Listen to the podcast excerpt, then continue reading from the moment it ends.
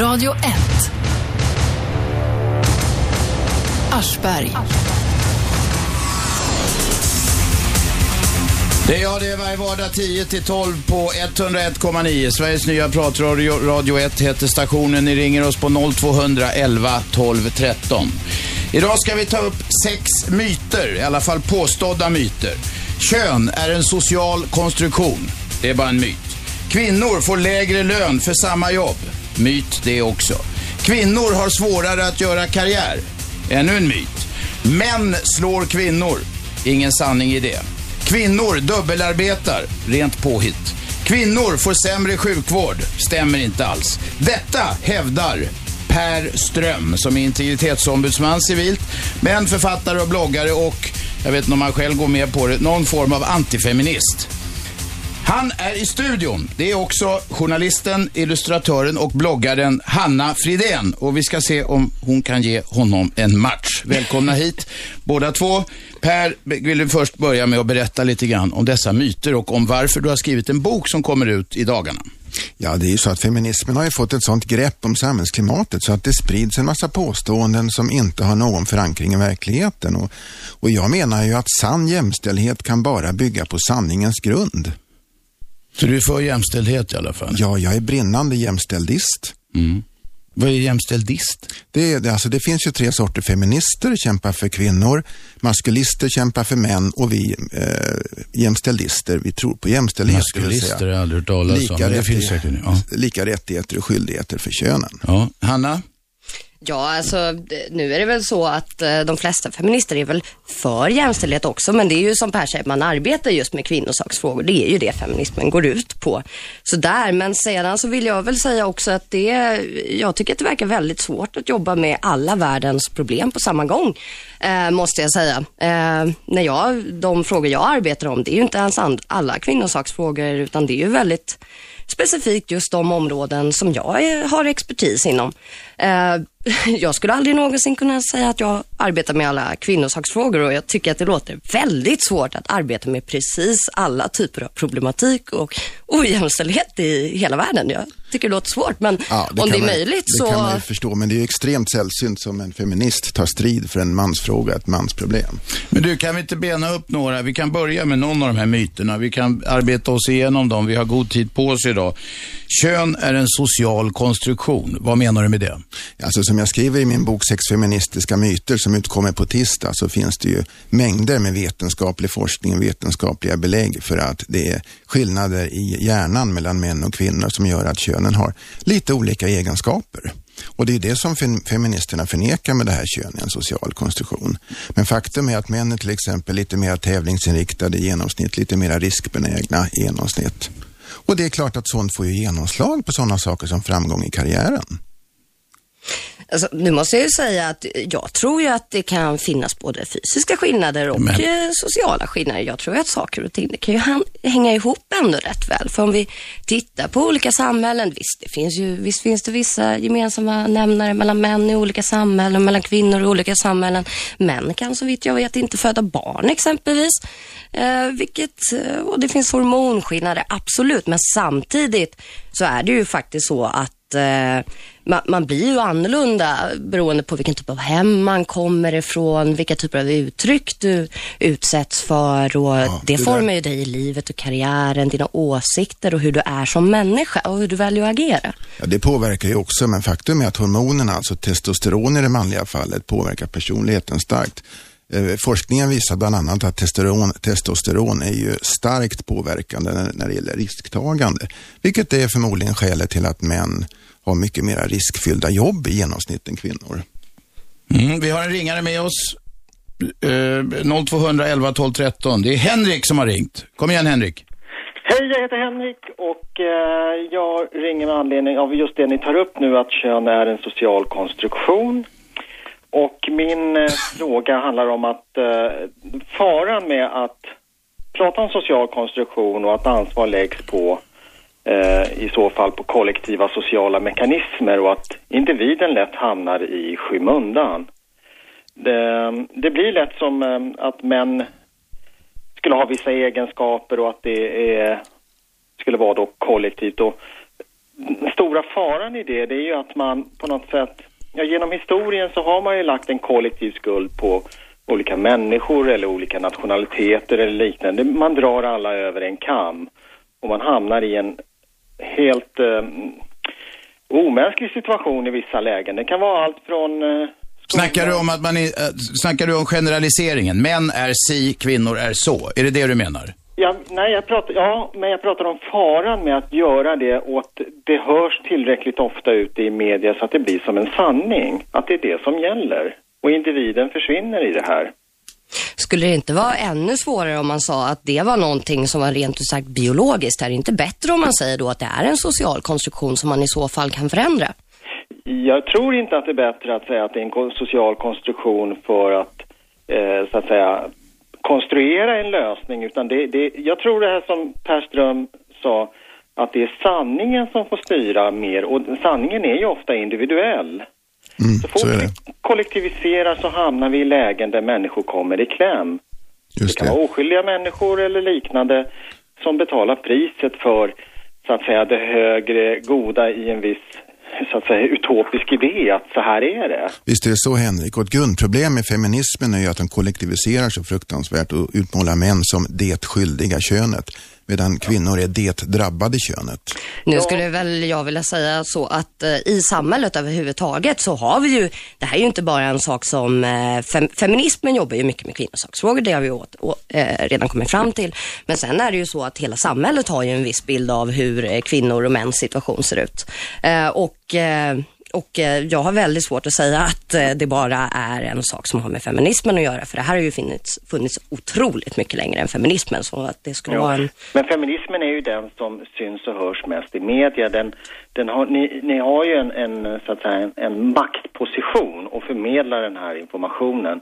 De få män som vågar göra det, och jag är tacksam för att Per Ström gör det, det är att de hamnar gärna i där de ska försvara sig för för att inte bli sedda som de mörkermän eller liknande. Utan här har, pratar vi om viktiga mänskliga rättigheter där man ska ses som den man är. Jag måste säga att jag håller med dig om att jag tycker eh, om att det är för få män som pratar om mansfrågor. Vi har jätteviktiga mansfrågor som exempelvis Mm, kan- barnbidrag och vårdnadstvister och några andra frågor också. Däremot så tycker jag att du håller inte med om att fler män inte ska jag tänkte bara säga att det beror ju på att de är så fruktansvärt rädda. De kan ju få sparken, de får inga löneförhöjning, de blir- utmobbade på arbetsplatser. Män är livrädda för att på minsta sätt kritisera feminismen. Jag tror eh, kanske inte riktigt att det handlar om det, men däremot så finns det ju en stor problematik med att de allra flesta som jag tyvärr pratat med som säger att de jobbar med mansfrågor, det är ju faktiskt folk som mestadels sitter och talar mot feminismen och de de, eh, istället för att verkligen arbeta med frågor som eh, barnbidrag exempelvis, jätteviktigt. För det, Vad, vad barnbidragen snackar går ju... där? Jag, jag, jag har tre barn, jag har aldrig sett ett barnbidrag. Nej, precis. För barnbidragen går ju till kvinnan. De går alltid till modern, ja. Och det är ju jätte, jättekrångligt och det är ju klart någonting man måste ifrågasätta och ska det det se ut så i ett jämställdhetssamhälle. alltså, Men det, det jag vill säga här, jag ska bara avsluta så. Eh, det, det jag vill säga här är att jag ser väldigt få män prata om det här. Och det är väldigt, väldigt tråkigt och om vi tar dig exempelvis, jag vet att du har nämnt det i några blogginlägg. Men du jobbar ju inte heller med det och det tycker jag är tråkigt för att det skulle jag, det skulle jag stötta till 100 procent. Alltså det är ju så att det är ju tusen gånger svårare för en man att få någon slags eh, offentligt stöd i ekonomiska termer för att jobba med mansfrågor än det är för en kvinna att jobba med kvinnofrågor. Tusen gånger eller tiotusen gånger svårare. Jag jobbar ju väldigt mycket med olika ideella föreningar och, eh, och eh, olika organisationer som jobbar då framförallt med ungdomar. Och det har ju då framförallt varit med unga tjejer, för det är de jag kan, det är mitt område. Eh, och, och nu är det ju så här att när man, när man pratar om de här frågorna, man, man frågar så här, varför satsar ni inte mer på det här med killar? Då, då får man väldigt ofta svaret, vi, det är tyvärr väldigt få som vill jobba med det. Och sedan så är det ju att hela manskampen, den har ju också ett lite dåligt rykte. För de allra flesta människor som man ser som säger att de är manskämpar, de sitter faktiskt mestadels och skriver ner feminism och de skriver inte så mycket om mansfrågor, för de skriver mestadels om kvinnosaksfrågor. Som de inte tycker om. Där fick du Per. Vad säger du Henrik? Jo, jag tänkte bara säga det, det är... Vi pratar här om, eh, om feminismen och man hamnar gärna i lägen där när man kritiserar feminism, då, då blir du antingen antifeminist eller som när Per då inledde med att det finns maskulinister också och, och du sa faktiskt vad är det för någonting? Och någonstans är det också ett sätt att, det, det är nästan till en härskarteknik. Man, man förminskar det, man, man gör, ja men vad är det för något och så. Antingen är du emot feminismen men Jo men vänt, vänta ett tag, vänta. Det här börjar likna lite Sverigedemokraterna här nu. Att, är det någon offerroll som, som du menar? att Alltså ikläd inte dig någon offerroll. Eh, jag, vet, jag tror inte Per gör det. Han, det. han var inne på det lite grann. Men vad fan, påpeka gärna grejerna, debattera dem. Men att, att börja med att man är någon offer och att det är så svårt för, för att man kritiserar feminism, det är fel. Gå på istället. Just det. Jag, jag tror Häng inte på. att jag skulle kunna, nej jag tänker inte på det som en offerroll så eller att man ska ta på sig det utan... Jo, du säger att det är så svårt. Det var Per inne på också. Det är så jävla svårt att kritisera feminister. Det är det väl inte alls? Inte svårt men farligt. Ja men... eh, Jag vet inte. Men Jag får kan ju leva farligt. Vi har ju Jag så mycket testosteron. Jag får massor med mejl eh, från män som säger jag håller med dig till 100% men jag skulle aldrig kunna säga det för då skulle jag inte få en enda löneförhöjning till. Ungefär så Det är inga riktiga karlar. Eller hur? Eller hur? Pratar du med mig nu? Jag pratar med alla som lyssnar. Alltså det är ju inte så lätt om man har, om man har lån på husen och sådär och är beroende av en regelbunden inkomst. Nej, men vänta ett tag. Vi, nu, nu håller vi på att nischa in oss i en jävla konstig debatt. Vi, vi ska diskutera de här, vad du kallar sex Myterna. feministiska Ja, vi myter. kör på dem. Och nu hamnar vi om hur jobbigt det är för män som kritiserar feminism. Börja, nu, vi kommer in på helt fel ända. Börja inte i någon jävla offerroll. Nu snackar vi frågor. Då kan jag säga så här. Jag läser tidningarna varje dag. Jag ser mindre och mindre på TV, men jag är ute på det här internet som det heter. Och det är fan med 90 procent män överallt. Det, det, kan, det kan ju ett barnarsel se. Och om vi börjar i den ändan så, så måste ju då, då, då förklara för mig då varför, varför har de fel när, de- när kvinnorna, feministerna, jag kallar mig inte själv feminist, men varför har de fel när de säger att det är bara gubbar överallt? Ja men det är ju inte bara gubbar överallt, jag förstår inte, titta ut genom fönstret. Eh, det är ju lite grann så. Nu sa jag att jag läser tidningar och det betyder att jag ser dem i näringsliv, i medierna. Den här kanalen fick kritik för att de var en jävla gubbkanal. Nu är det inte det längre, dessbättre. Men, men varför har de fel när de säger att det är män har en majoritet av de, så att säga, viktiga posterna eller nyckeljobb eller i näringsliv och så? Så kvinnor har ju en enorm majoritet och en enorm maktposition på andra områden. Fråga till exempel hur det är med närheten till barnen. Fråga vilka som vinner vårdnadstvisterna. Fråga hur maktsituationen ser ut i hemmen. Det är ett Varför elände. Håller du med om det, Hanna? Eh, nu är det ju så att eh, 90 procent av de som jobbar inom offentlig sektor, det är kvinnor. 70 procent av de som jobbar inom privat sektor är män. Och det är en väldigt, väldigt tydlig uppdelning. Och det skulle ju vara jättebra tycker jag om det här blev lite jämnare. Visst skulle det vara jättebra.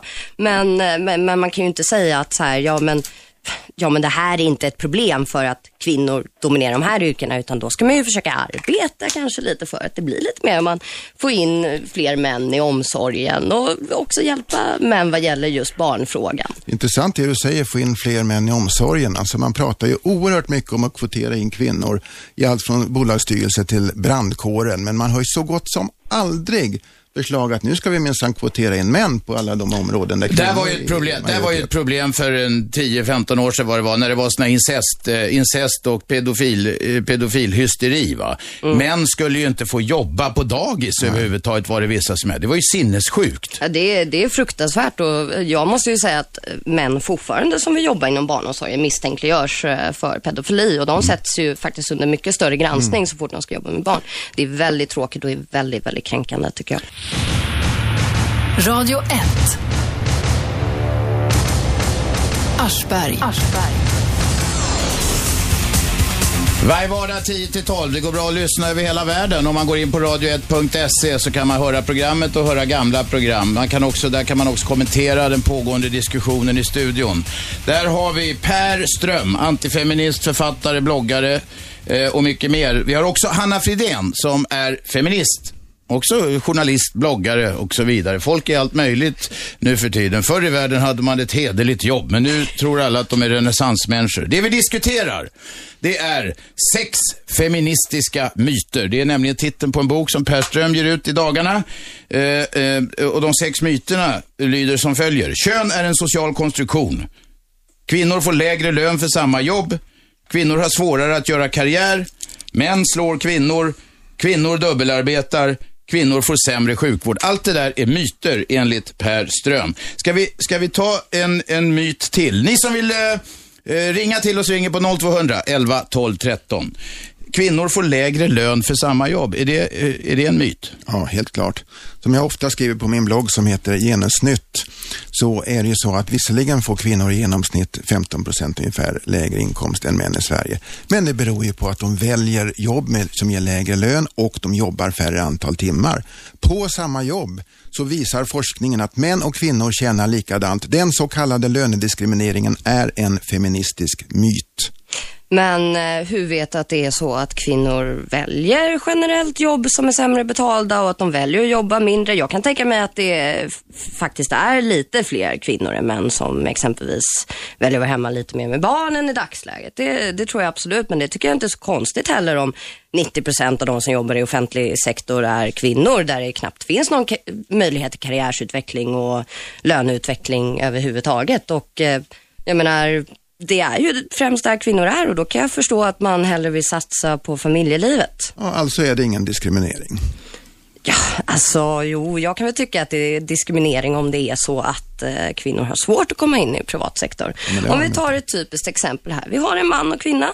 Båda är 27 år gamla säger vi. Eh, de har exakt samma kunskap. De skulle vara exakt lika bra på det här jobbet och allting.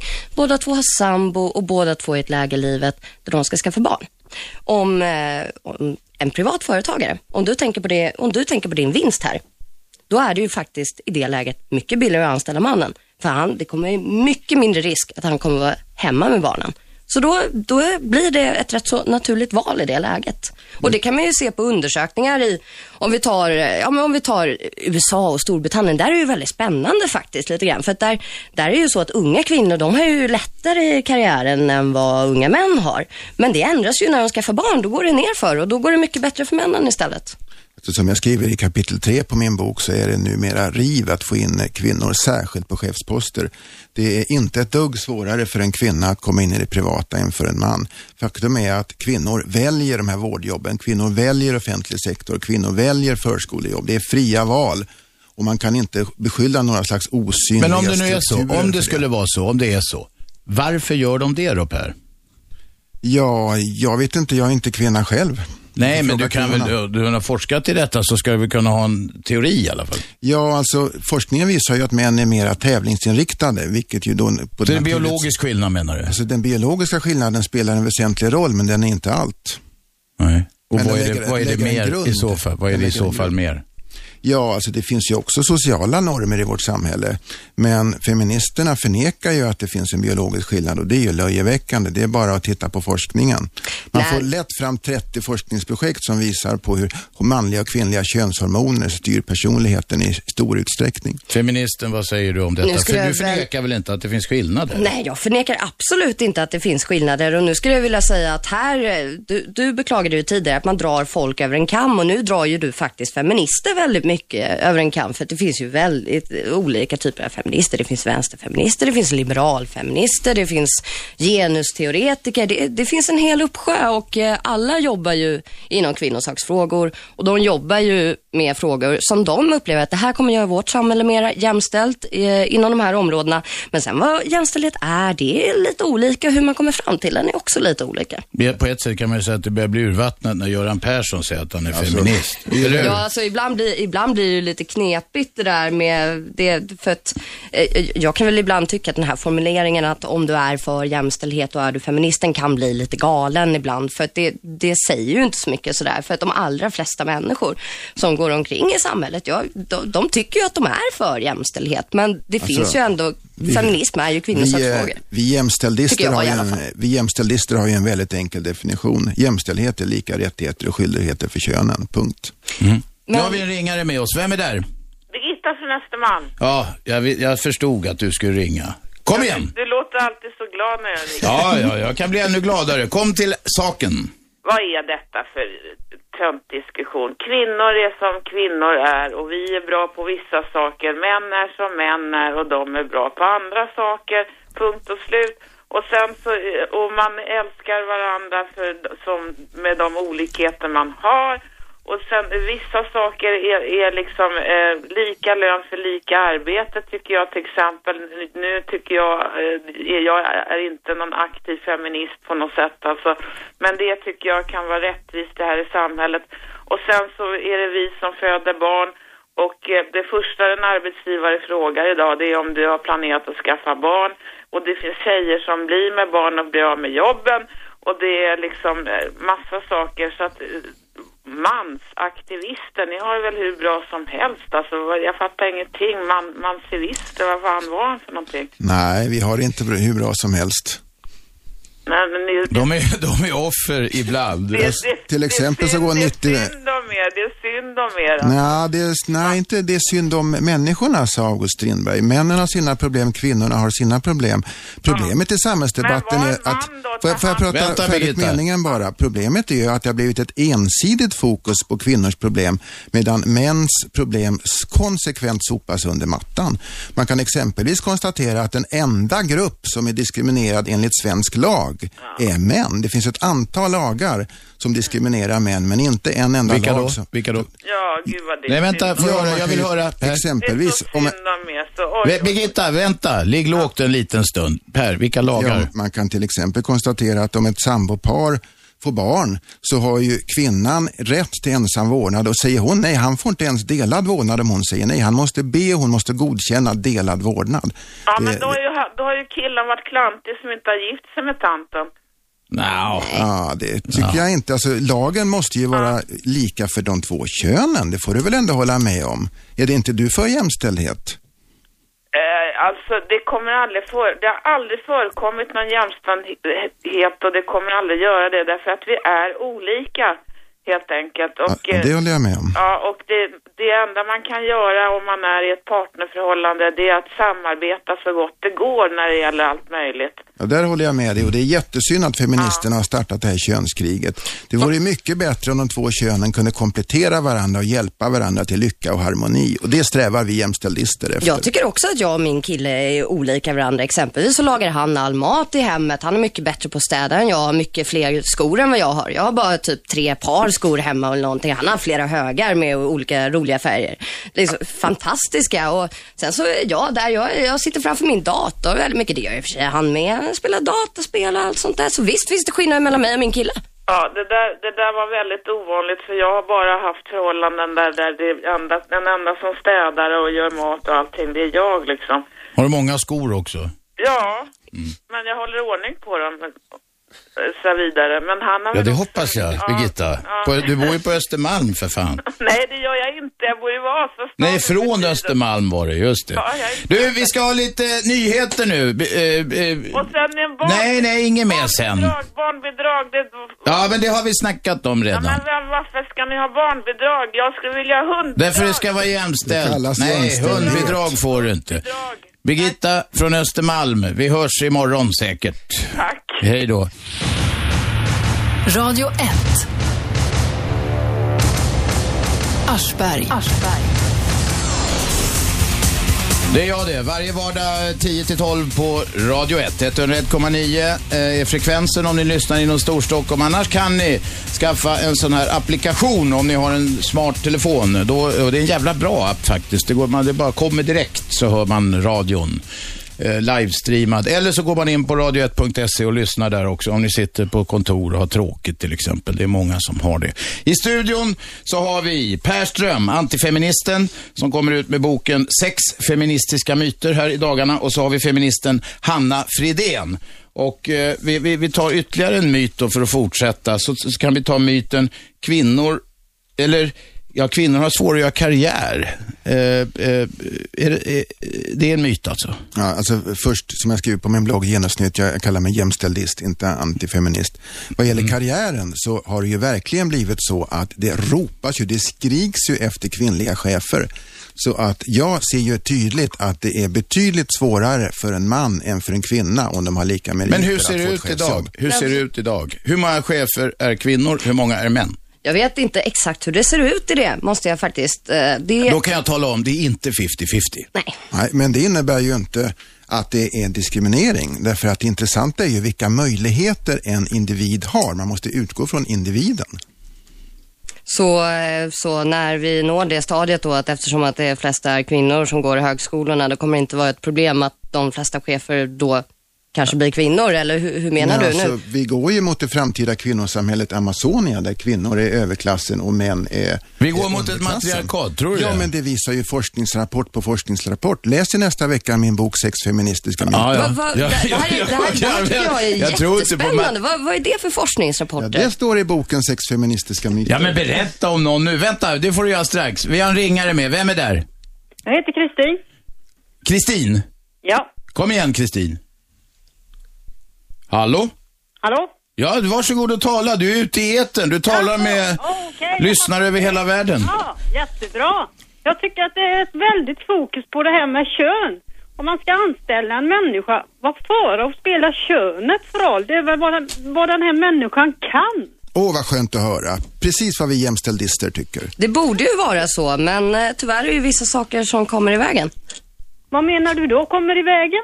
Ja, jag vet inte hur länge du har lyssnat på det här programmet nu, men jag sa tidigare i programmet att eh, om vi har en man och en kvinna och eh, båda två planerar att skaffa barn, då är det väldigt, väldigt vanligt att den privata arbetsgivaren väljer att anställa mannen istället för att han blir billigare att anställa, för det är mycket mindre risk att han tar ut mammaledighet. Men om den här kvinnan är väldigt intresserad av karriär, då tror jag hon säger att hemma har jag en man som sköter om det här åt mig så jag kan jobba när som helst. Jag kommer att vara ledig så lite som möjligt när jag får barn. Ja. Det kan hon säga vid anställningsintervjun. Och eh, chansen att arbetsgivarna faktiskt kommer tro på det, det är ju... Det Ja, om han inte är korkad och det får vi hoppas att han inte är. Det är, tyvärr Varför jag kan jag berätta då att det, det finns en och annan Kristin, det finns en och annan arbetsgivare som är korkad. Men, men, men vad jobbar du själv med? Jag jobbar hos mig själv, så jag gör precis som jag vill. Det är därför jag kan ringa vart jag vill och säga vad jag vill. Jag Är du egen företagare? Ja. Ja, men då är det ju lätt att ha synpunkter på det. Har, har, har du ha- varit anställd någon gång? Ja. Ja, vad jobbar du då? Nej, det vill jag inte säga. Jo, säg bara till mig. Nej. Jo, men bara till mig. Jag säger Nej, inte men till det, någon. det här handlar väl faktiskt inte om vad jag har jobbat, utan det handlar om att varför ska man se till könet på en människa som ska jobba Mm. någonstans? Jämställdhet är ju att strunta i kön. Alltså hela jämställdhetsdebatten har ju gått fullständigt åt skogen i Sverige. Jag är När- faktiskt lite benägen att hålla med Per Ström där. Jämställdhet är att strunta i kön. Problemet är ju att det funkar ju inte riktigt så idag. Men vad, vad, Det lustiga i den här diskussionen, det är ju att feminister också tycker att man ska strunta i kön. Så där tror jag nog att vi alla kan komma överens och är glada. Frågan är hur man kommer dit. Feminister driver på jättemycket med det här med kön. De räknar bilder i tidningar och könet är precis det viktigaste. Ja. Hela tiden räknas Nej men vänta, kön. vänta nu måste jag, hallå, jag säger, jag är inte, Kristin, jag är inte feminist, men det är klart att det är en manlig övervikt som det är idag. Det, annars är man ju dum i huvudet om man inte ser det. Är det inte viktigt att vara hemma hos barnen? Alltså det här är en viktig... Övervikt, är det inte viktigt? Robban, här måste jag komma med ett inlägg. Det är, manlig, Varsågod det är manlig övervikt på en del områden, kvinnlig övervikt på andra områden. Och vad som är viktigast, det är verkligen inte lätt att säga. De kvinnliga dominansområdena är oerhört viktiga. Därför att där talar vi om det som är oss kärast av alla, barnen, hemmen, familjen, som spelar en väldigt stor roll i människors liv. Men det handlar väl inte om vilket område som är viktigare än det andra. Det handlar väl om att ta reda på varför det ser ut så här. Och när det är kvinnor då som uttrycker att jag trivs inte det här, jag har problem när jag går på anställningsintervjuer och får frågan om jag ska skaffa barn. Eller om, eh, om en kvinna får sparken för att hon får barn, då är det ju klart att det är ett problem. För att då har ju inte hon valt att inte få ett jobb eller att få sparken. Jag kan då berätta vad jag möts av när jag till exempel eh, kommer i fråga som föreläsare, vilket är en av de saker jag ägnar mig åt. Per, vi vill ha en precis sån som du, men det ska vara en kvinna. Vet du någon sån föreläsare? Det har hänt mig flera gånger. Vet du det? Faktiskt inte, därför att män är ju genomsnittligt mer intresserade av IT-frågor som jag jobbar mycket med. Är det så? Eh, genomsnittligt så är det många fler män som jobbar inom IT än vad det är kvinnor idag. Samtidigt som inom många andra saker så kommer det fler och fler kvinnor även där. Ja, Kristin, hade du något mer på hjärtat? Ja, det har jag säkert. Jag har mycket och jag tycker inte att hon tjejen svarar på det här om det... Hon tjejen heter Hanna Fridén. Ja. Ja. Det här med att eh, feminister nämner aldrig att det skulle finnas ett värde i att umgås med sina barn. Ja, det är sant. Det beror ju på vilken feminist eh, du pratar om. Jag kan, jag kan tipsa om jättemånga fina feminister. Om vi tar en tjej som heter Underbara Klara exempelvis, som är en väldigt känd feminist i, på internet. Hon, hon jobbar hemifrån, hon tar hand om sina barn hela tiden och eh, hon, hon, jobbar, hon jobbar hemifrån med sitt egen företag men hon hon inreder hela hemmet, hon lagar all mat, hon tar hand om barnen. Hon tycker det är jätteviktigt. Men samtidigt så tycker hon kanske inte att det är någonting som alla kvinnor måste göra utan hon har ju valt det precis som du har valt det. Att du vill vara hemma. Och det är viktigt att man ska kunna göra och så tycker inte jag att det är idag. Individen ska välja. Vänta inte alla på en gång. måste göra karriär. Men vissa kanske vill göra karriär. Man måste inte göra det, men om, man måste ju inte göra det. Men om man vill så ska man väl ha samma förutsättningar som alla andra människor. Och det tycker jag som alla andra människor. Alla, som män menar du då? Precis, och, Nej, där, jag säger som alla människor. och därför måste det bli slut på den här positiva särbehandlingen av kvinnor vid chefstillsättningar. Det är inte jämställt. Jag, Nej, det är inte jämställt. Hanna, Alltså, Hanna, Hanna, kom igen nu.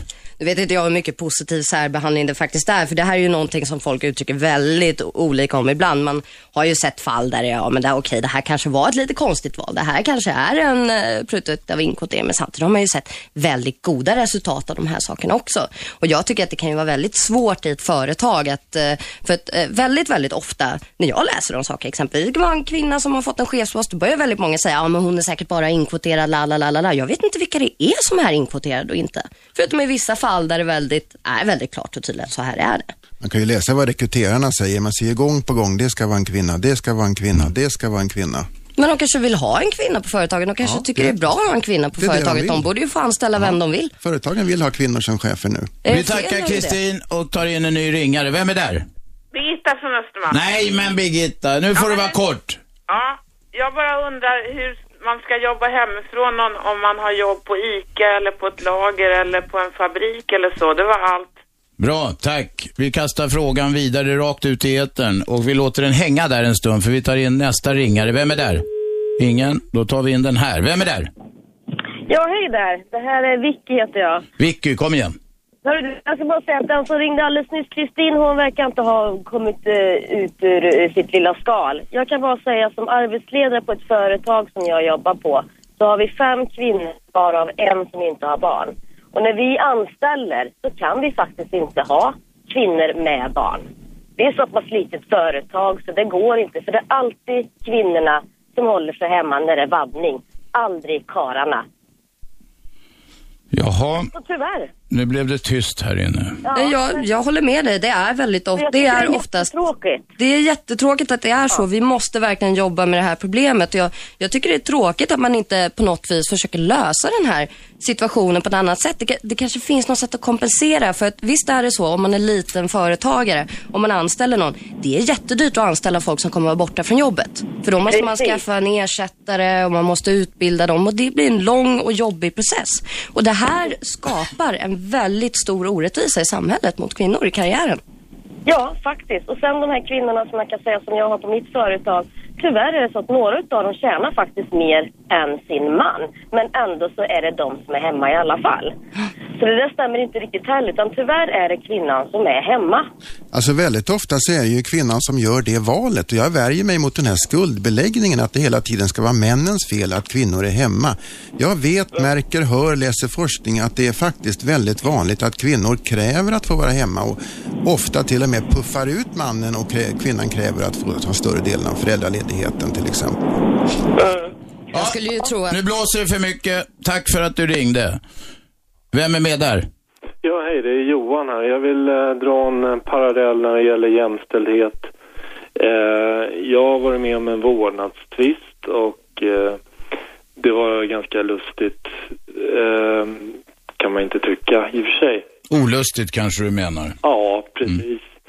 Och grejen var den att personen i fråga, när jag, ja, hon stämde mig för olika sorters saker. Alltså förtal, rent förtal, lögn, alltså saker som inte stämde. Jag blev häktad av polisen. Jag fick sitta, sitta häktad i 48 timmar. Eh, och sen så, fick, så valde jag en kvinnlig advokat. Du var förmodligen anhållen, men inte, inte häktad va? Ja, anhållen, precis. Och det roliga var att advokaten sa, ja, kan jag göra åt det här? Ja, det enda du kan göra det är att gå på för gemensam vårdnad. Du, du har någonting mellan benen. Tyvärr. Mm, mansdiskriminering. Det kan man lugnt säga. Och Men det, det, var, det var Hanna snackade om var, eh, vore, nu snackar vi inte om ditt fall, men generellt en mansfråga som du menar att män borde kämpa för. Absolut, och det här är jätteviktigt. Det här är verkligen en superviktig mansfråga. Tack Hanna för att du erkänner det. Ja, men vadå Nej, men det- erkänner jag? Jag har skrivit det om det här inte- i flera, flera år. Det satt inte långt inne hos Hanna. Nu ska vi vara ärliga här, det gjorde det inte. Tack för samtalet. Radio 1. Aschberg.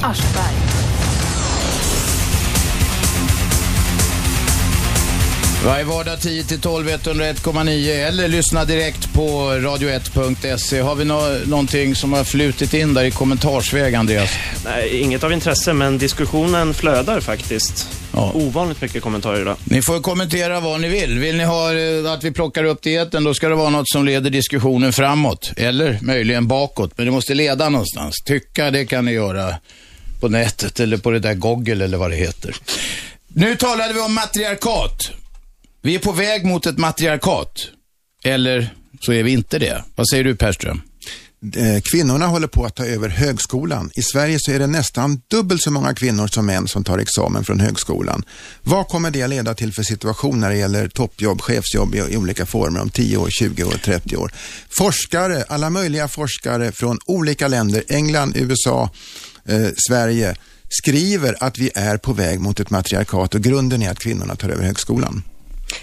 Eh, vi måste ju arbeta för att unga män blir mer engagerade i studierna igen och titta på var, varför det här problemet ser ut som det gör.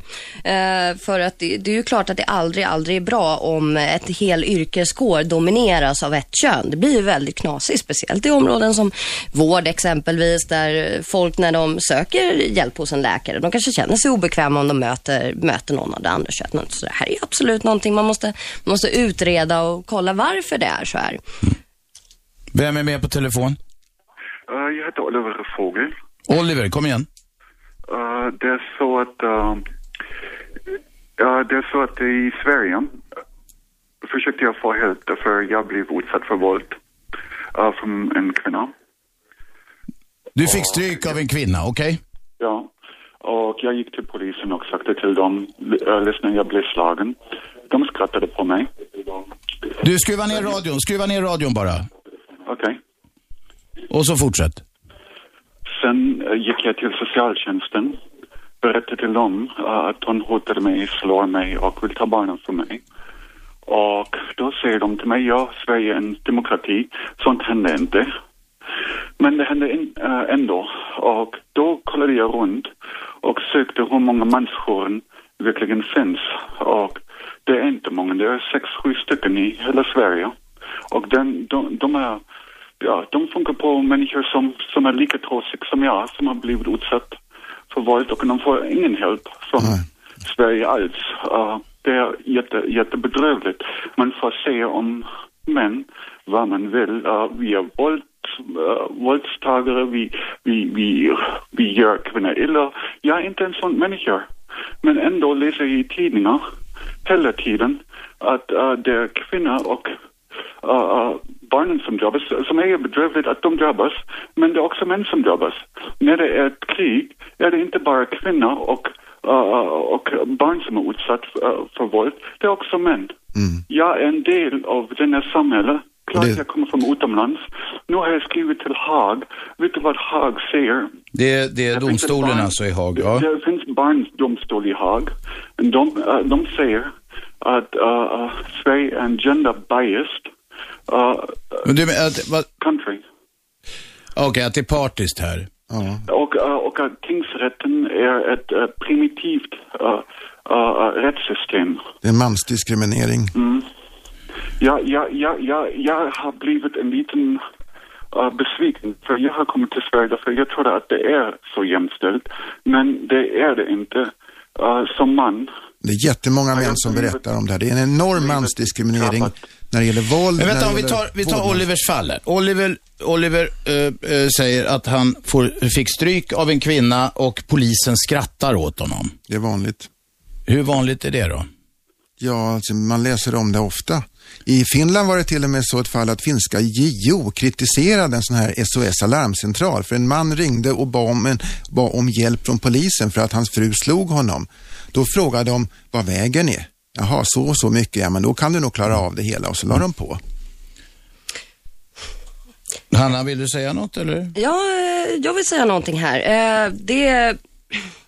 Eh, vad, vad, vad gäller män som blir slagna och män som blir utsatta för, eh, för brott så håller jag med om att det finns en problematik med att speciellt om en man blir utsatt eh, för våld av någon som är svagare och oftast kvinnan, att det, det, folk tror inte riktigt på dem. Det, så, så håller jag med om att det, det, folk har lättare för att tro att det är en kvinna som blir utsatt för våld än en man, eh, en kvinna som blir utsatt för våld av en man en, en kvinna som utsätter en man för våld. Förlåt där, jag snubblade lite på formuleringen. Däremot så har jag väldigt svårt att tro den här biten att Haag skulle sagt att Sweden is a gender biased country, för att det här är ju inte någonting som är annorlunda i Sverige från andra länder. 063 Word, uh, uh, Wordpress, uh, 063 Oliver Wordpress. Uh, jag har faktiskt lagt ut den på nätet, så det är ingenting som är svårt att ta på. Men det går även vidare. När jag ringde polisen igen, därför uh, min ex ringde mitt jobb, så jag ska tappa bort jobben när jag gick, gick i praktik. hon fortsatte två år efter för att försöka livet till helvete för mig. Mm. Därför, en, en sak har hon sagt, du kommer aldrig att se din, uh, se din barn igen. Det är mitt barn och du kommer inte att se den. Nej, det är hon gör det precis så och, och det är hela samhället uh, som, som, som Vårdnadstvister, det är bland det skitiga, du Oliver, vårdnadstvister det är bland det skitigaste som finns. Och, nu, nu, nu, och, och det kan vi liksom slå fast. Så är det ö, ö, överlag. Va? Men det jag blir förbannad på i det du berättar, är att du, det du säger som gör mig förbannad, det är att du, du ringer polisen och de skrattar åt dig. När du säger ja. att du får stryk. Sådana snutar ska ha en uppsträckning. Hon försökte tränga sig in i mitt hem. Det var bara ett, uh, tre, fyra månader sedan. Ja. Och uh, vet du vad? Uh, polisen lagt ner fallet. Ja, det, det, det, kan jag säga, det är inte enda fallet de lägger ner. Uppklaringsprocenten är läskigt låg i Sverige. Men, men... hon har åtta olika anmälningar uh, mot sig. Uh, hon, hon har uh, mm. anmälningar från dagis mot sig. Du, du, du, du, du, du, du, jag säger vårdnadstvister är skitiga. Nu tar vi, du får kasta hur mycket skit du vill på det, men du får inte göra det här. Du har tagit upp ett exempel på hur du blir bemött när du är utsatt för misshandel och där har du blivit totalt felaktigt bemött. Lycka till i Haag. Vem är med? Jag känner det är Janne. Janne, ja. Tjena, tjena. Eh, jag vill först Skruva ner radion. Jag vill först säga att jag tror att jämställdhet är det bästa, att vi får samma lön och allting först och främst. Så ni inte tror något annat, att jag är någon eh, manschauvinist eller vad det kallas. Men, kom till saken. Jag undrar, varför framställs vi män på reklamen som idioter alltid när man ser dem? Vad tänker du på? Ja, det var för några år sedan en eh, någon pappa som satt bakom en fiskdamm när ungarna kek, eller fiskade och sen var det inga påsar som kom upp utan han hade käkat upp hela godiset där och han satt där som en grämling. Han såg ju helt galen ut. Och det är ingen som säger någonting om sånt Vet, jag, känner inte, jag känner inte igen det. Jag kan hålla med om att män framställs som idioter i reklamen ibland, men det här såg du för flera år sedan och gått och retat dig ja, på. Men Robban, det där är ju systematiskt. Ja, jag, har, jag har retat mig i flera år på det där, just att med reklamer och här. Och det är samma sak med någon cornflakesreklam. När man vaknar på morgonen, då var vi som en sån här grottmänniska eller vad den kallas. Och sen ju längre dag när jag hade käkat de här cornflakesen så vart jag en människa till slut. Ja. Nej, men så är det med mig varje dag. Det är ett systematiskt förlöjligande av män i samhället, inklusive i reklamen. Ja, alltså, jag såg ju ett extremfall och det var tv-reklam som Expressen gjorde där de hade filmat, det skulle föreställa ett styrelsemöte. Och så börjar de säga, vi ska gå på porrklubb, vi ska gå på porrklubb. Och så börjar de dra upp och ner sina gylfar. Alltså helt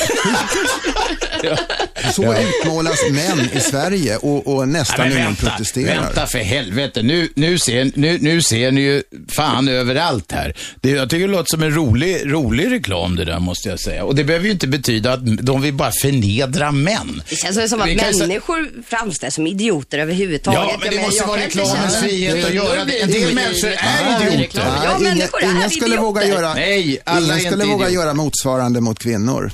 Men vadå, tycker du att tampongreklamen är intelligenta? När tjejer sätter i sig tamponger och sen dansar runt på stan jättelyckliga för att åh ja, jag har äntligen ett skydd som täcker.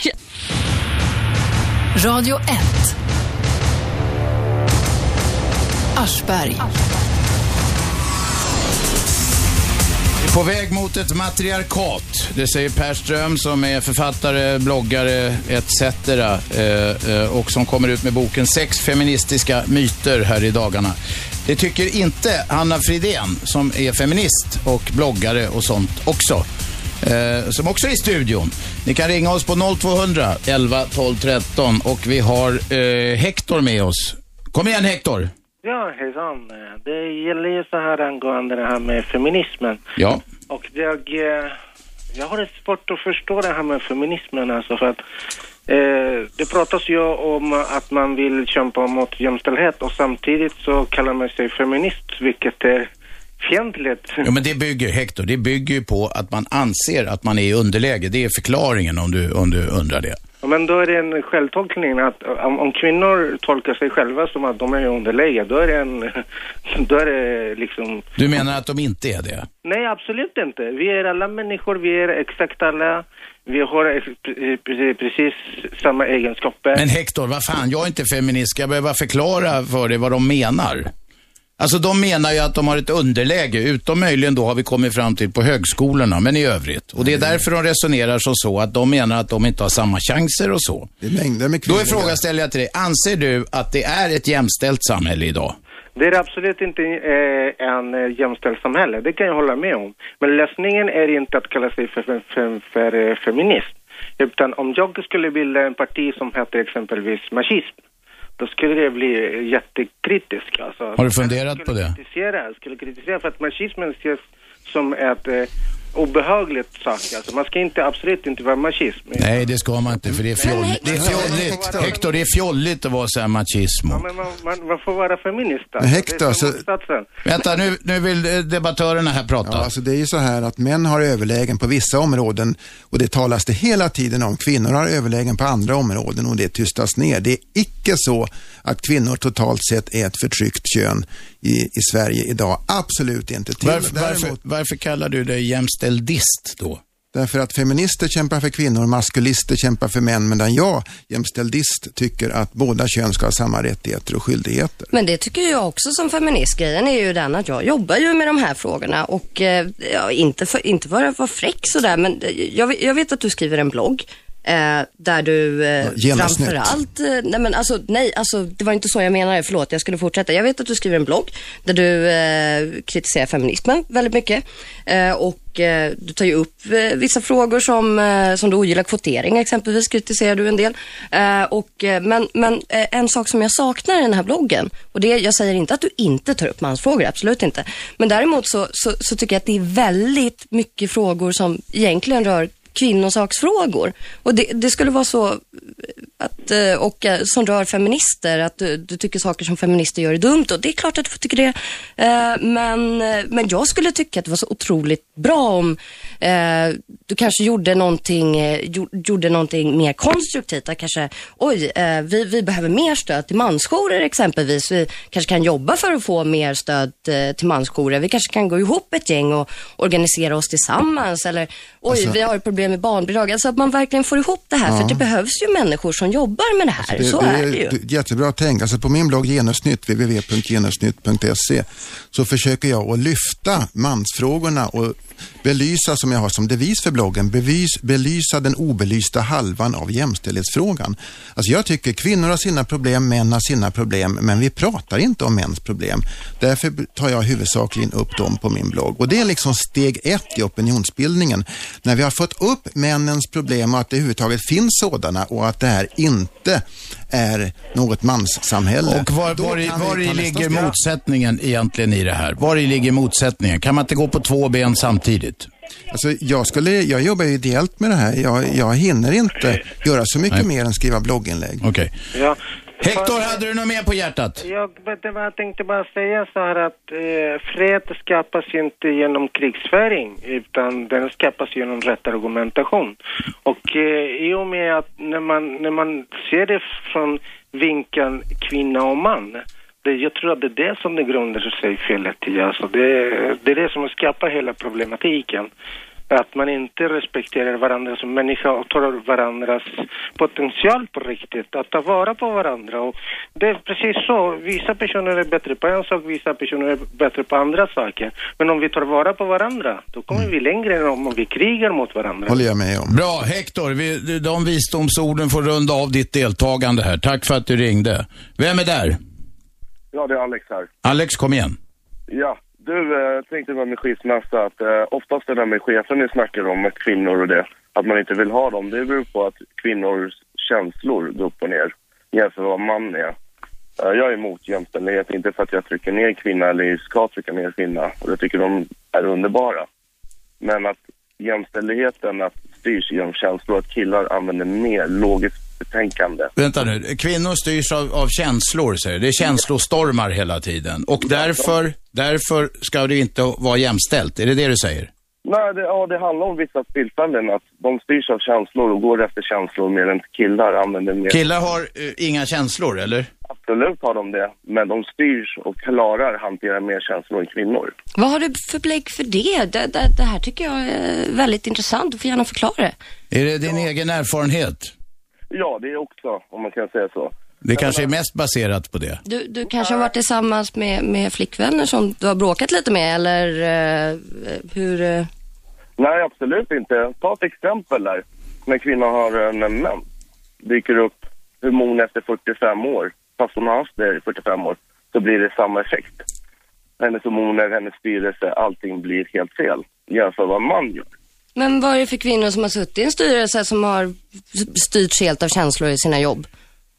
Vad sa du? Vad, vad är det för kvinnor som du tänker på som har styrts helt av känslor i sina jobb? Jag menar, det finns mycket.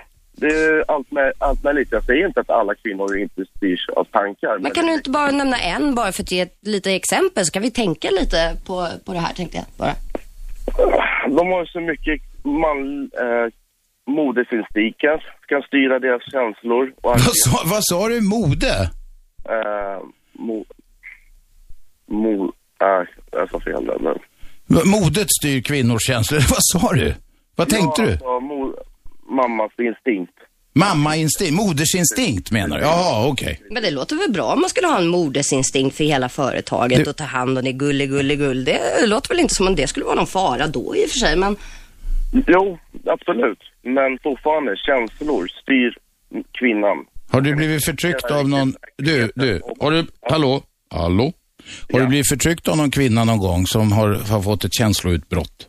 Eller flera? Ja, alltså, rent logiskt, ja och nej. Jag hade bara en diskussion här förra veckan, ganska sådana diskussioner och, eh, med en kvinna.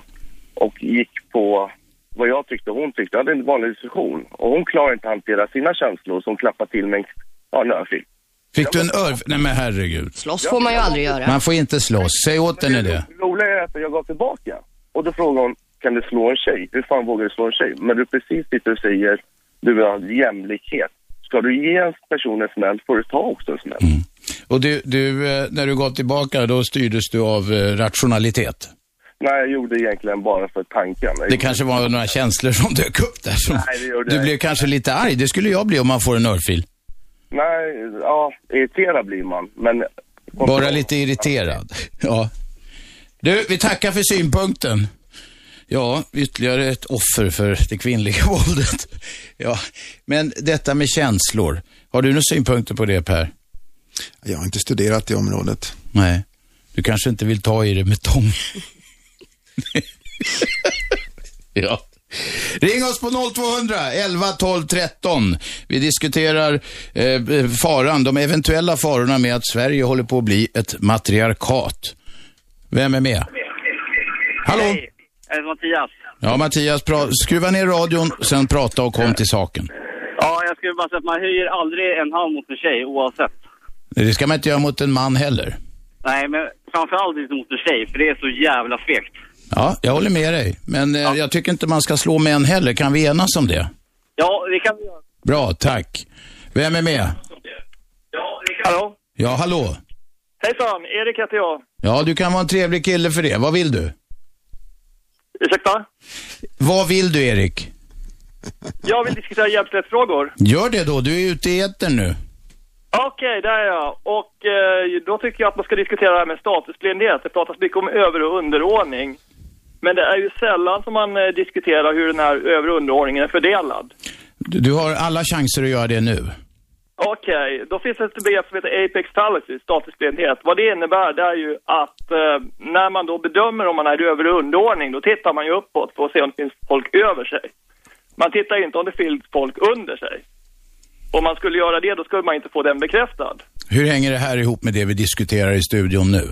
Jo, ni diskuterar feminism. Det jag vill säga huruvida eh, kvinnor anser de är en underordning eller inte. Men då finns en bra idé att diskutera varför de anser sig vara en underordning. För att de tittar uppåt menar du, och där är männen. Och vad ska de titta neråt på då? Om jag skulle titta på världens presidenter och statsministrar och liknande, då skulle jag säga att de flesta var män.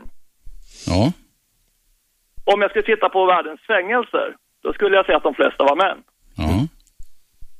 Så det finns både en under och en överordning hela tiden. Och vad vill du ha sagt? Jag kanske är dum i huvudet, men vad vill du komma fram till? Det jag vill komma fram till det är att den här diskussionen om huruvida feminism behövs eller inte beror på var man tittar någonstans. Det här är ju väldigt relevant, för det är ju precis så att män återfinns ju förvisso överrepresenterat i, i samhällets topp, men också i samhällets botten och det talar man aldrig om. Ja, precis. Och det tänkte jag föra in i diskussionen. Jag är inte helt okänd i diskussionen heller. Jag heter Erik och jag har en blogg som heter Aktivarium som de flesta känner till. Ja, hela världen har läst den. inte hela världen, men eh, en annan person. En annan diskussion, det, det är ju det här som handlar om eh, varför män inte gör någonting. Det är ju så här att det handlar ju väldigt mycket om pengar och politik det här. Det finns feministiska vad initiativ i FN, i EU, i Europarådet, i stort sett alla politiska organ. Det finns en gigantisk ekonomisk och politisk makt i alla de här sakerna om man sysslar med kvinnofrågor feministiskt. Men låt säga att du skulle vilja jobba med mansfrågor, vad finns det då? Nej, men det är ju jättelätt. Det är bara du och några kompisar som sätter dig i en lägenhet och diskuterar det. Det är inte riktigt en jämställd förutsättning för att arbeta med frågorna. Men, v- vad- vad menar du? Att eftersom att det redan finns feminister som jobbar med kvinnosaksfrågor då, så är det orättvist att män måste sätta sig ner och Alltså- jobba med mansfrågor? Jag, jag förstår inte. Men Det, kan jag kan tolka det alltså, fel. Orättvisan är ju att det, det... Vänta en i taget, nu är det Per. Det är hur lätt som helst att få offentliga pengar, skattepengar i stora mängder för att jobba med kvinnofrågor. Det är i princip omöjligt att få skattepengar, offentliga medel för att jobba med mansfrågor. Där har vi en gigantisk eh, Precis, såvida inte, jämställdhetsbrist. såvida inte mansfrågan är förstås eh, om man jobbar med män som redan slår kvinnor. Det finns det tydligen hur mycket pengar som helst att få för. Men om man vill jobba med män som inte gör det, då är det lite svårare. Jag tycker att det är väldigt tråkigt att det inte är fler. eh, Jag tror att om fler män skulle säga att vi tycker att det här med barnbidraget är dåligt, vi tycker att det här med vårdnadstvister är dåligt. Om fler män sa det och faktiskt också var villiga att arbeta med det. För man kan inte, man kan inte bara säga det utan några måste också arbeta med det. Eh, Okej, då skulle det gå mycket bättre. Men så länge det är så att det bara är väldigt få som faktiskt engagerar sig i de här frågorna, då blir det väldigt svårt att få bidrag för det. Ja, men Hanna, jag har lagt ner ganska mycket timmar bara på min blogg. Om inte det kallas arbete så borde inte författeri kallas arbete. Men framförallt, om jag skulle vilja ha betalt för att arbeta med det här, vad ska jag vända mig då menar du? Fan, är det arbete att hålla på och blogga nu också? Alltså när jag, i de ideella föreningar jag har jobbat med då, då vi framförallt har jobbat med unga tjejers ätstörningar eh, väldigt mycket, då har ju vi gått, upp, gå, gått ihop ett gäng i just ett rum. Vi har bestämt olika områden som vi olika är bra på och vi har börjat jobba. Det, jag tycker inte det är jättesvårt och vi har inte fått några bidrag alls till det. Det är bara att jämföra till exempel hur mycket pengar läggs på kvinnojourer, hur mycket pengar läggs från det offentliga på mansjourer. Det är en gigantisk skillnad. De flesta mans mansjourer får in inga offentliga pengar alls och de som finns är ytterst få. Och akademin, det finns något som heter genusvetenskap. Det betraktas ju av de allra flesta som ett feministiskt eh, ämne som bara handlar om kvinnor och i bästa fall underordning om invandrare och liknande minoritetsgrupper. Men om man skulle jobba för män, trots att de nu anses som majoritetsgrupp, vilket vetenskapligt ämne ska man läsa då? Alltså jag Jag abonnerar har på en... kompisar som brukar skämta om det där, säger "Lä- du ska läsa genusvetenskap. Men jag har faktiskt genusvetenskapliga böcker hemma, jag vet vad de läser och det är inte riktigt vad jag vill syssla Nej, det är feminism. Jag abonnerar på en e-postlista som heter Genuslistan från Nationella sekretariatet för eh, genusforskning och det går ut till i princip landets alla genusforskare och det är nästan bara feministiska inlägg på den listan och kommer aldrig, skulle jag vilja påstå, aldrig ett, eh, ett antifeministiskt inlägg. Och när jag gjorde ett jämställdistiskt inlägg för ett tag sedan, då, då fick jag hela, oj oj oj, då blev det hett om öronen. Eftersom att det är Vänta, nu vill jag höra Hanna. Eftersom att det är framförallt feminister och folk som jobbar med kvinnosaksfrågor som har fått ett intresse för genus, så tycker ju inte jag att det är jättekonstigt att de mejlinglistorna domineras av just feminister och feministiska inlägg. Men du grabbar, då får väl ni slå er in på den där listan då. Man får- ingenting gratis i världen, det borde ni veta vid det här laget. Ja, men- Tack ja, ringaren jag- för samtalet. Radio 1. Aschberg. Varje vardag 10 till 12 och nu är det slutspurt i feministdebatten därför att eh, när halvtimmen blir halvtimme på eh, halvjämna klockslaget eller vad vi kallar det för, då har vi ett nytt ämne, ett överraskningsämne idag som kommer att uppröra många lyssnare. Men vi håller oss till feminism, det är en liten slutspurt här. Eh, Vi har Per Ström som är, eh, han vill inte kalla sig antifeminist, han är jämställdist han. Och så har vi feministen, hon står för att hon är på ena sidan tydligt. Hanna Fridén. Och det går bra att ringa till oss på 0200 11 12 13. Gösta är med. Kom igen Gösta. Ja, tjena. Jag vill bara säga det att det beror ju på 80 procent av den här feministdebatten är ju ekonomiskt. Eh, Tjejerna har sämre ekonomi, tjej, tjänar sämre. Och varför det har blivit så, det går enligt min uppfattning att spå, spåra tillbaka att man och kvinna, det var på den tiden långt, långt tillbaka. Mannen jagade, kvinnan skötte barnen. Sen ändras det ut med årtusenden, århundraden, allt, alla förutsättningar. Och sen bär vi män oss kanske väldigt illa åt mot då kvinnorna. Och vad ska kvinnorna göra för att kunna försvara sig? Ja men de måste ju ha pengar. De, måste ju, de vill inte bli de som ska hela tiden. Kan jag få lite pengar, kan jag få lite pengar utav mannen? Det är alltså min conclusion. Det är alltså en, en ren ekonomisk fråga. Känslorna klarar man och kvinna jävligt bra själva. Vad säger studiogästerna? I mångt och mycket är en ekonomisk fråga. Jag tycker att det finns andra frågor också, men, eh, men det är klart att pengar är ju absolut lika med makt i väldigt mycket. Är det. Alltså, det är mycket man kan säga om det där, det är svårt att svara kort. För det första är ju så att eh, den ekonomiska skillnaden beror ju på att män och kvinnor gör olika val. Dels olika yrkesval och dels prioriterar arbete och arbetstid olika mycket jämfört med andra värden i livet som då kvinnor får mera av. Sen vill jag verkligen inte hålla med dig om det där du sa att män beter sig illa mot kvinnor. Det, det förstår jag inte ett dugg. Nu tror jag eh, återigen så här att, eh, att män och kvinnor gör olika val. Det här tror jag, jag tror mycket väl att det finns kvinnor som väljer att, eh, väljer, gör valen att eh, vara hemma med barnen mer och kanske jobba halvtid eller så. Men jag tror också faktiskt att det är så att det är väldigt många kvinnor som vill andra saker, men det är väldigt svårt. Och jag tycker att vi måste se till båda de här sakerna. Jag tycker inte man kan avfärda de här problemen bara med att säga att nej men vi vill bara ha det så här. För att jag ser ju hela tiden väldigt många kvinnor som säger att de inte vill ha det så här. Att det är svårt för kvinnor att... Gösta, vill du in igen kort? Hallå? Ja, Gösta, kom igen. Hur titta hur det gick till förr i tiden. Man och, mannen jobbade, kvinnan skötte barnen 40, 50, 60-talet. Och sen när man tröttnade, mannen tröttnade, så hoppade han eh, ben ifrån det här förhållandet. Och eh, istället så eh, hoppade han in i ett nytt förhållande och vem stod där med sin tvättade hals? Jo, men det var ju kvinnan. Så att vi har eh, betett oss dåligt på 50 och 60 Vänta ett tag Gösta. Tala för dig själv. Ja, det tycker jag med. Vad då sa du? Tala för dig själv. Tala inte för hela eh, könet så att säga. Varför inte då?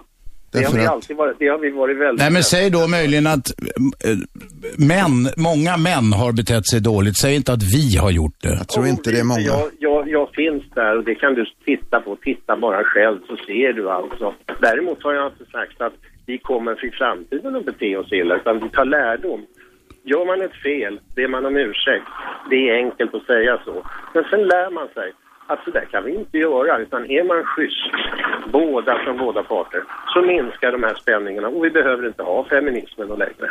Okej, tack Gösta. Vem är där? Ingen som orkade vänta. Vem är där?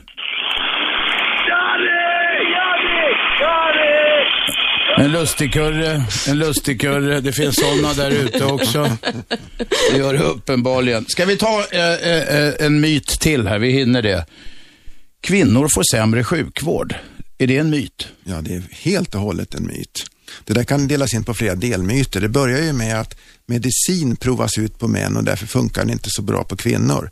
Då kan jag berätta att Läkemedelsverket skriver på sin sajt att detta är en myt. Vi försöker gång på gång på gång motbevisa myten, skriver Läkemedelsverket, men ingen lyssnar.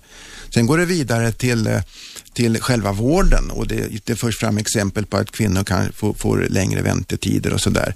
Tittar man på det här så finns det massor med exempel åt båda håll. Det finns även massor med exempel på att män får sämre vård, mindre mediciner och det läggs mindre pengar på män i vården. Och det här tar jag upp jättemycket om i min bok Sex feministiska myter som kommer på tisdag. Vad gäller just vårdfrågan är inte jag jättesuperpåläst här, men eh, däremot ska jag ju absolut bekräfta att det här med mediciner provas ut på män, att det, det, det är ju en myt. Det är ju en myt. Det, det har varit så en gång i tiden, men det var väldigt länge sedan nu.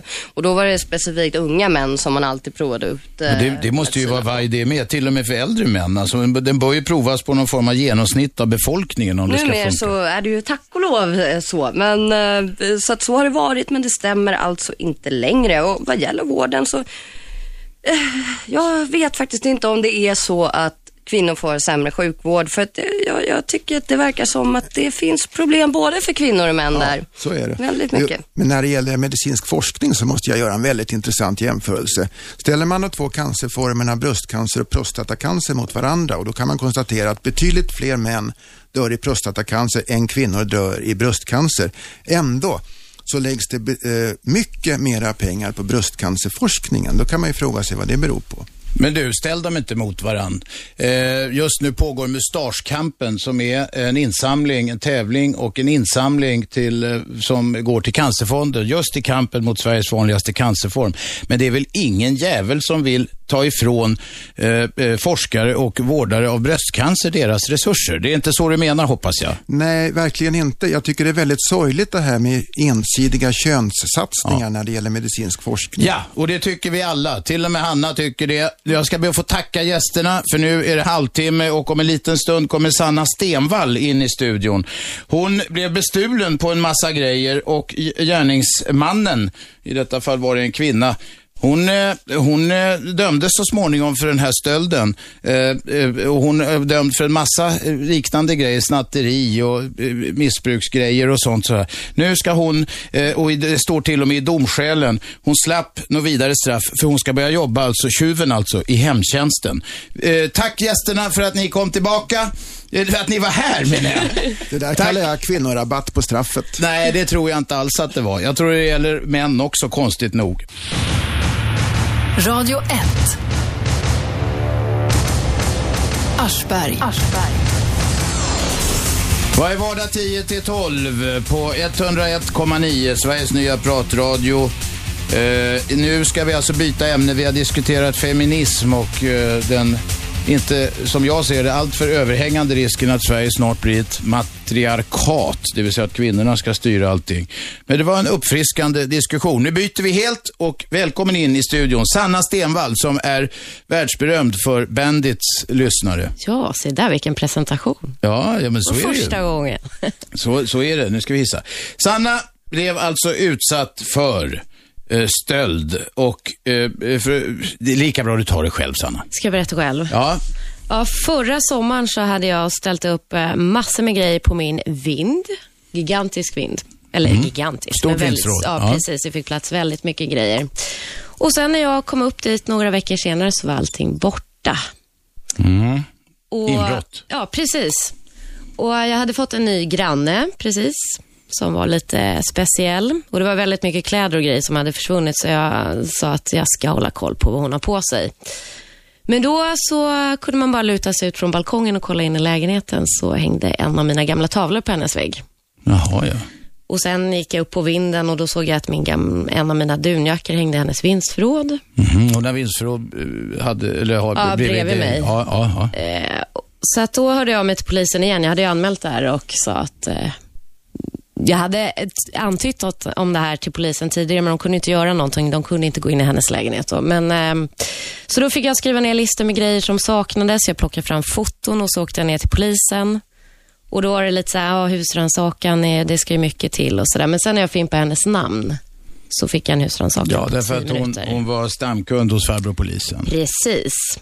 Sen blev det en husrannsakan på sex timmar och det var eh, helt bisarrt att komma in i den här lägenheten. Över halva hennes eh, bohag tillhörde mig. Det var köksbord, stolar, mattor, tavlor, tv-bänk och hur mycket kläder som helst. Jag, jag har så lite garderober i min lägenhet så jag skiftar alltid vinter och sommarkläder. Så skor och jackor och um, ja, allt. Eh, porslin. eh, Grannen hade alltså snott allt du hade där av värde i ditt vindsförråd och stoppat in det i sin lägenhet och det är alldeles vägg i vägg med din. Precis.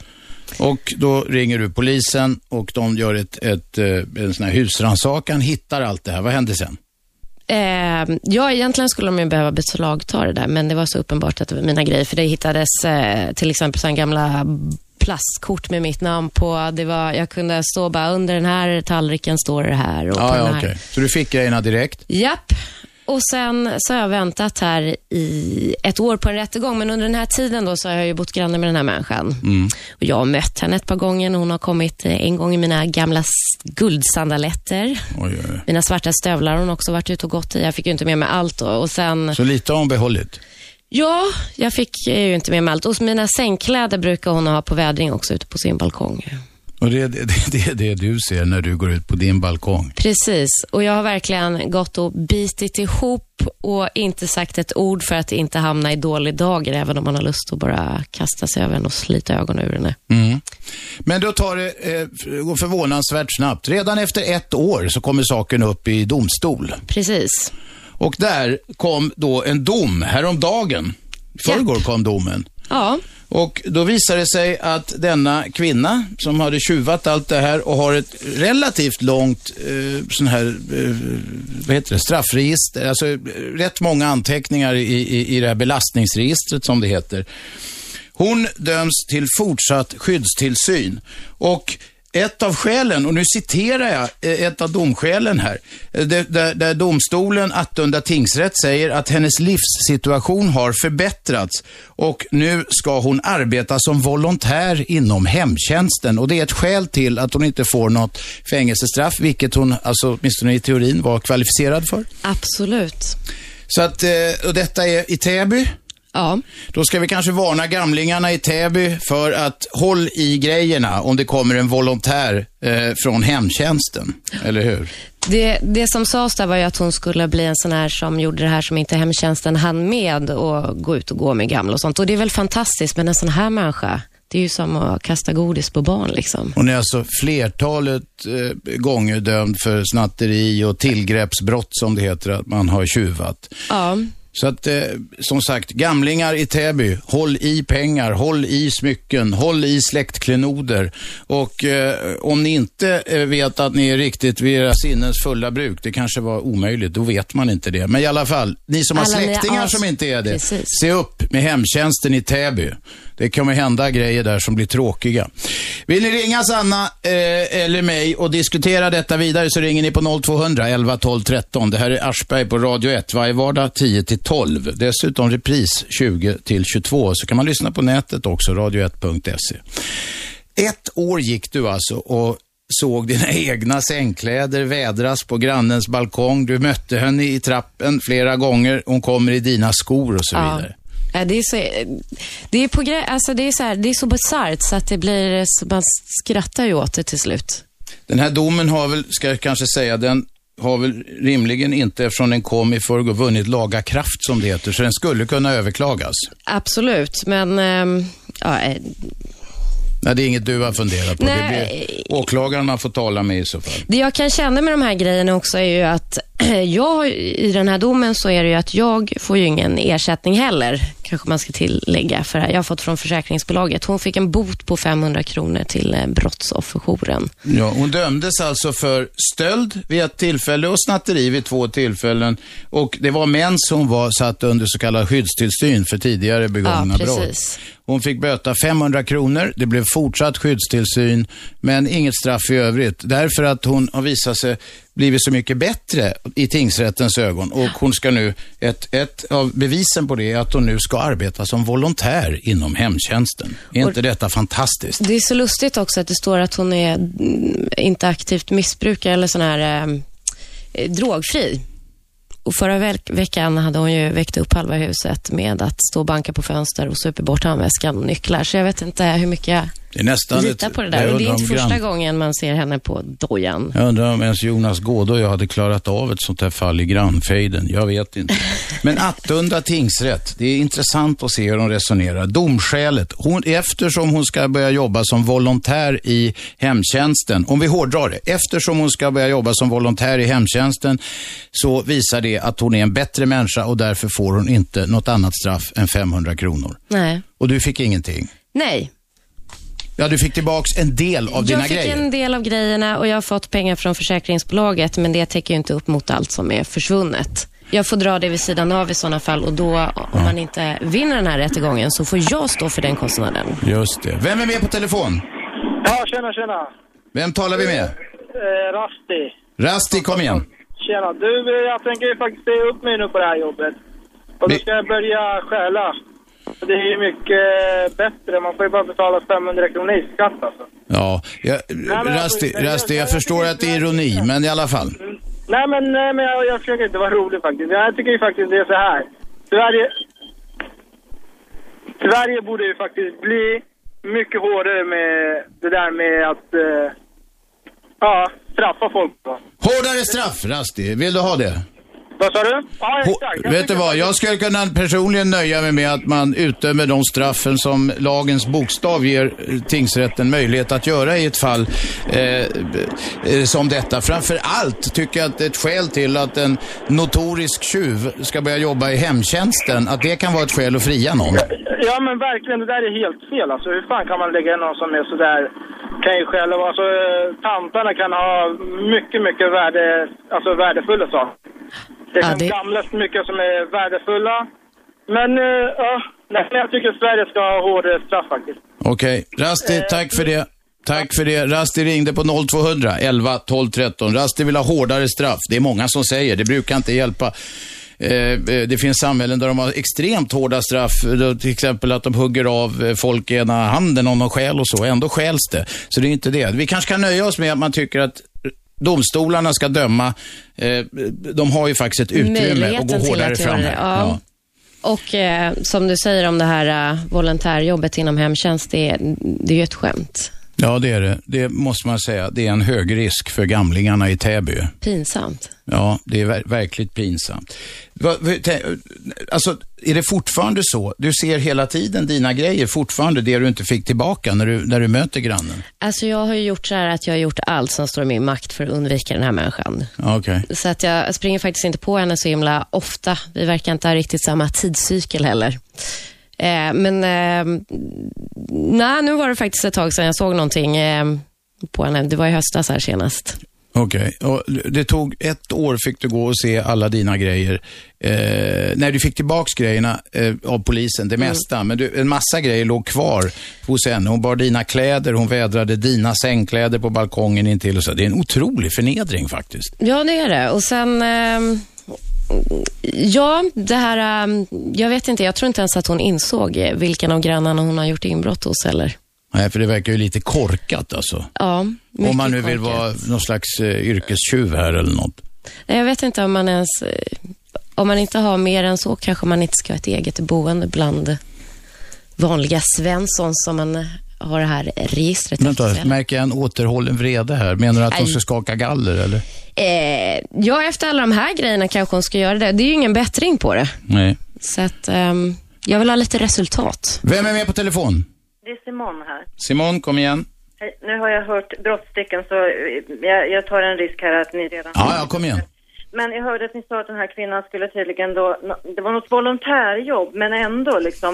Eh, det är väl så idag, tror jag i alla fall, att om man ska få jobb inom hemtjänst och vårdsektorn överhuvudtaget så kan arbetsgivaren kräva att den här personen som ansöker om jobb då eh, tar, ett, tar ut ett sånt här, vad heter det, utdrag ur brottsregistret och visar att man då inte har blivit åtalad för någonting. Och ehm, eh, då, då undrar jag lite grann, jag, jag tar för givet att det inte är skillnad för att det är ett volontärjobb utan att, och jag, jag jag liksom uppmanar alla som bor i här, den här regionen och som har hemtjänst eller tro, de som är anhöriga till de som behöver det, att helt enkelt gå in, för det är väl offentliga papper det här, eh, och ta reda på vad den här kvinnan heter då och sen kollar att eh, hon inte finns runt deras anhöriga Ja. eller Vi ska inte ha någon jävla lynchmobb här. Det är ju bättre om hemtjänsten reagerar, och reagerar på och kollar upp vilka de tar in som Det är volontärer. inte lynchmobb. Jag menar inte att man ska göra någonting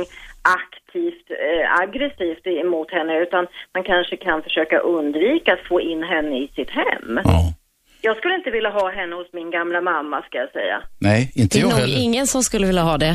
Nej, precis. Och Det är inte jag Attunda tingsrätt. Inget mera aggressivt utan bara, bara liksom att försöka undvika den personen. Och det, det, det känns som, ja det, det var alldeles rätt. Jag tycker absolut att det är en konstig, vilka konstiga människor som anställer henne eller tar in henne som Ja, vet, nu ska jag säga en sak. Det här är det som står i domen. Vår kritik riktas mot Attunda tingsrätt som lägger in det här som ett domskäl. Vi kan inte anklaga hemtjänsten i Täby, åtminstone inte i det här stadiet, för att ha tagit in en notorisk tjuv eh, som volontär. Det kan vi faktiskt inte. Vi kan möjligen eh, skicka en hälsning till hemtjänsten där, att de ska se upp lite grann med de som söker volontärjobb. Det kan ju ha varit munväder också bara i domstolen. Det vet man inte, men... ehm, ehm, Kunde det vara intressant om någon ifrån hemtjänsten där, var det Täby det här? Ja. Att de hör av sig kanske? Ja, ni får gärna ringa, men vi anklagar inte hemtjänsten i Täby för något. Nej, Åtminstone men- inte, Inte än så än. länge. Nej. Radio 1. Aschberg. 101,9 och på radio1.se över hela världen går det att lyssna på detta eh, radioprogram. Är det. Eh, det går varje vardag 10 till 12, det sa jag. Och så går det i repris 20 till 22 också. Och man kan lyssna på gamla program på nätet. Har ni en sån här modern telefon, sån här platt med en massa ikoner och skit på, då kan ni också ta hem applikationen. Och det är en bra applikation. Eh, ljudet kommer direkt och man kan höra den här fina radiostationen snabbt. I studion har vi Sanna Stenvall, världsberömd för eh, Bandits, Radio Bandits. Alla lyssnare, det är hårdrock. Eh, eh, det är rock'n'roll, tralalala. och nu Det får jag komma in och hälsa det på svänger dig. som det ska. Men Sanna är ett, här i ett helt annat ärende. Sanna blev bestulen på alla grejer. Massa inredning, möbler, kläder, porslin, massa privata grejer. Blev bestulen på det från sitt vindsförråd. Tjuven var hennes granne. Och efter ett år dömdes, och eh, många bedrövelser, så dömdes den här tjuven eh, för att ha stulit allt det här i Attunda tingsrätt. Den domen kom i förrgår. I tingsrättens dom så står det att eftersom den här tjuven nu, som har ett långt register, många fula saker bakom sig, eftersom den här tjuven nu har blivit en bättre människa och eftersom hon säger att hon ska börja som volontär i hemtjänsten, så ska hon då inte dömas till något fängelse eller något annat, vilket hon var kvalificerad för, åtminstone i teorin. Grattis hemtjänsten i Täby, men se upp med de som är volontärer. Du, under det här året som gick, när du var in i lägenheten, var du med in i, när de gjorde husrannsakan? Jag var med där i sex timmar. I se- Gick ni igenom hela, i sex timmar? Det är ingen stor lägenhet eller? Eh, det är en lägenhet på 50 kvadrat. Okej, och det tog sex och sen timmar? ett vindsförråd också. Ja, ja. Och det var bara dina grejer? Ja, eh, ja 50-50 ungefär var det väl som var mitt. Det var, ja, som jag sa tidigare, det är så bisarrt. Man kommer in där, du har alla möbler, mattor, du hittar kläder, öppnar kylskåpet så står det matrester på mina gamla Orrefors glasservistallrikar. I kylskåpet? Ja. Hur känns det där? Det känns rätt Nej, det eh, kränkande privat liksom. Jäkligt äckligt. Det jag inte tog med mig, hon, i hennes säng också så låg det ju bäddat med mina gamla sängkläder. Så det lät jag henne behålla. Åh fy fan. Men det var ju, eh, ja men du vet så här, kom innanför dörren, då hängde ett gammalt påslakanset, hade hon gjort om till draperi. Och så på stolen bredvid så hade hon tagit örngott och stoppat in en kudde och skruvat fast i stolen. Hon var intresserad av inredning också. Hon kanske har sett Jag- något sånt inredningsprogram Jag- i TV4 eller något. Jag var ju faktiskt in på hennes Facebook-sida när jag mm, Ja. Skulle researcha vad det var för människa. Ehm, och då stod det på statusen att eh, hemma och pysslar i mitt nya vackra hem. Med alla dina grejer. Fantastiskt. Vem är med på telefon? Ingen där. Vem är med på telefon? Tjena, det är Janne igen. Janne, kom igen. Hade det varit en snubbe hade han fått kåken. Ja, det är möjligt, men det vet vi inte. Absolut. Dessutom har den här domen inte vunnit laga kraft, så den kan eh, överklagas. Nu var det assistentåklagare Lars Tyllered vid Norrorts åklagarkammare i Stockholm som kanske fortfarande begrundar om man ska göra det. Vi ska säga det. Det intressanta med det här är att dom, i domen så anges ett skäl till att denna tjuv inte ska få något straff annat än fortsatt skyddstillsyn är att hon ska börja jobba i hemtjänsten. Det är Men Robban, only in Sweden, eller vad Ja, heter det? det är... Robban, Ja, Lasse, domaren där då, ja. han är nog rädd för feminister. Ja, ja, ja. Nu drar du kanske för mycket slutsatser. Tack för samtalet. Vem är med på telefon? Olle Markstedt. Kom igen. Ja, okej. Jag tror att i grunden är etik och moral. Därför att eh, det är så här att om man gör grejer och man inte åker fast, då är det helt legitimt. Och det är först när man åker fast och blir dömd som vi då börjar se, vad är symptomen? Jag tycker att man ska höja blicken och fundera på, alltså, det har förfallit i moralen. Och det är så här att då gör folk så här, och det gör ju myndigheter också. Vi ser en stor grej som håller på att hända, förändring utav Stockholm och Slussen. Och då gör staden, försöker baxa igenom med 300 miljoner, gör man utställningar, reklam över hela stan för ett alternativ som stockholmarna egentligen inte gillar. På Hilton så har Stadsgårdens vänner gjort en utställning med alla tre alternativen, även stadens, bullerkartor och så vidare. Vad handlar det nu om? Nu handlar det om Slussen alltså? Nej, men det handlar om etik och moral. Varför har vi, varför har vi liksom politiker och tjänstemän som försöker att oetiskt eh, styra det här? Jag tror att det är så att, därför de kommer inte åka fast. De kommer baxa igenom och så blir det någonting. Och hela tiden är det så här att vi har tappat grunden till att vara ärliga. Och det är det som... Tala för dig själv, Olle. Jag är ärlig, så långt jag kan. Är det det? Och Jag tror här- det. Ja, men kan du då ärligt säga det att det här förslaget som staden baxar fram, är det det du tycker är allra Nej, du, jag har inte kollat så noga på det där. Jag Nej, tycker Slussen är bra som det är, men det håller ju på att ramla ihop så något skit måste man göra. Ja, men något måste man göra. Då finns det tre alternativ. Och de har, har Ja, och de är utställda på Hilton. Tack, Olle. Vem är med? Hej, Jens här. Jens, du vet du vad? Du kommer bli dagens sista ringare och du ska vara kortfattad. Ja, eh, en fråga. Har man själv som privatperson möjlighet att eh, ändra beslutet eller är det åklagarens uppgift? Vi kastar den vidare till Sanna som har undersökt denna möjlighet. Eh, ändra beslutet. Var... Alltså domen, nej man kan inte ändra en dom, men man kan, du, jag du kan skulle ju kunna... överklaga, det kan jag göra. Har du möjlighet att påverka det eller är det bara åklagarens beslut? Äh, det, ja, du, det har jag inte undersökt, men jag antar att jag kan överklaga det här om jag vill eftersom det är mig det gäller. Ja, du är ju ena parten, men sen är det prövningstillstånd nu i, i nästa rättsinstans, alltså i hovrätten. Numera så går inte alla fall automatiskt upp där i hovrätten. Men jag är ju... Men du kan torska då kanske? Ja, precis. Och sen kan jag känna så här att jag vet inte vad mer som ska framkomma för att hon ska få en annan dom. Du fick inte ett öre va? Jag fick inte ett öre. Däremot så kan jag då få dra, eh, sätta igång en ny rättegång eh, där jag kan eh, eh, begära att eh, hon ska betala pengar för saker som inte jag får tillbaka. Som inte täckte från, täcktes från Då får du försäkringsbolaget. driva ett civilmål och det är ett elände och Precis. hon kommer inte ha några medel och så vidare. Den gamla vanliga visan. Men Nej. det tar minst ett år till innan det där kommer Ja, och det värsta av allting är att om jag losar det så får jag stå för rättegångskostnaden. Och det kanske man ska tillägga med det här målet också, att det är farbror staten som stod för hela det här kalaset. Ja, och det blev inte helt billigt. Tack ringaren för sista samtalet idag. Tack Sanna för att du kom hit. Jag önskar dig lycka till. Vad du än väljer att göra nu i den eventuellt fortsatta behandlingen. Varning till hemtjänsten i Täby. Kolla upp era volontärer. Vi är tillbaka imorgon på 101,9 och då blir hela studion full av överraskningar. Vi ses då. Tack för att ni lyssnade. 101,9 Radio 1. Sveriges nya pratradio.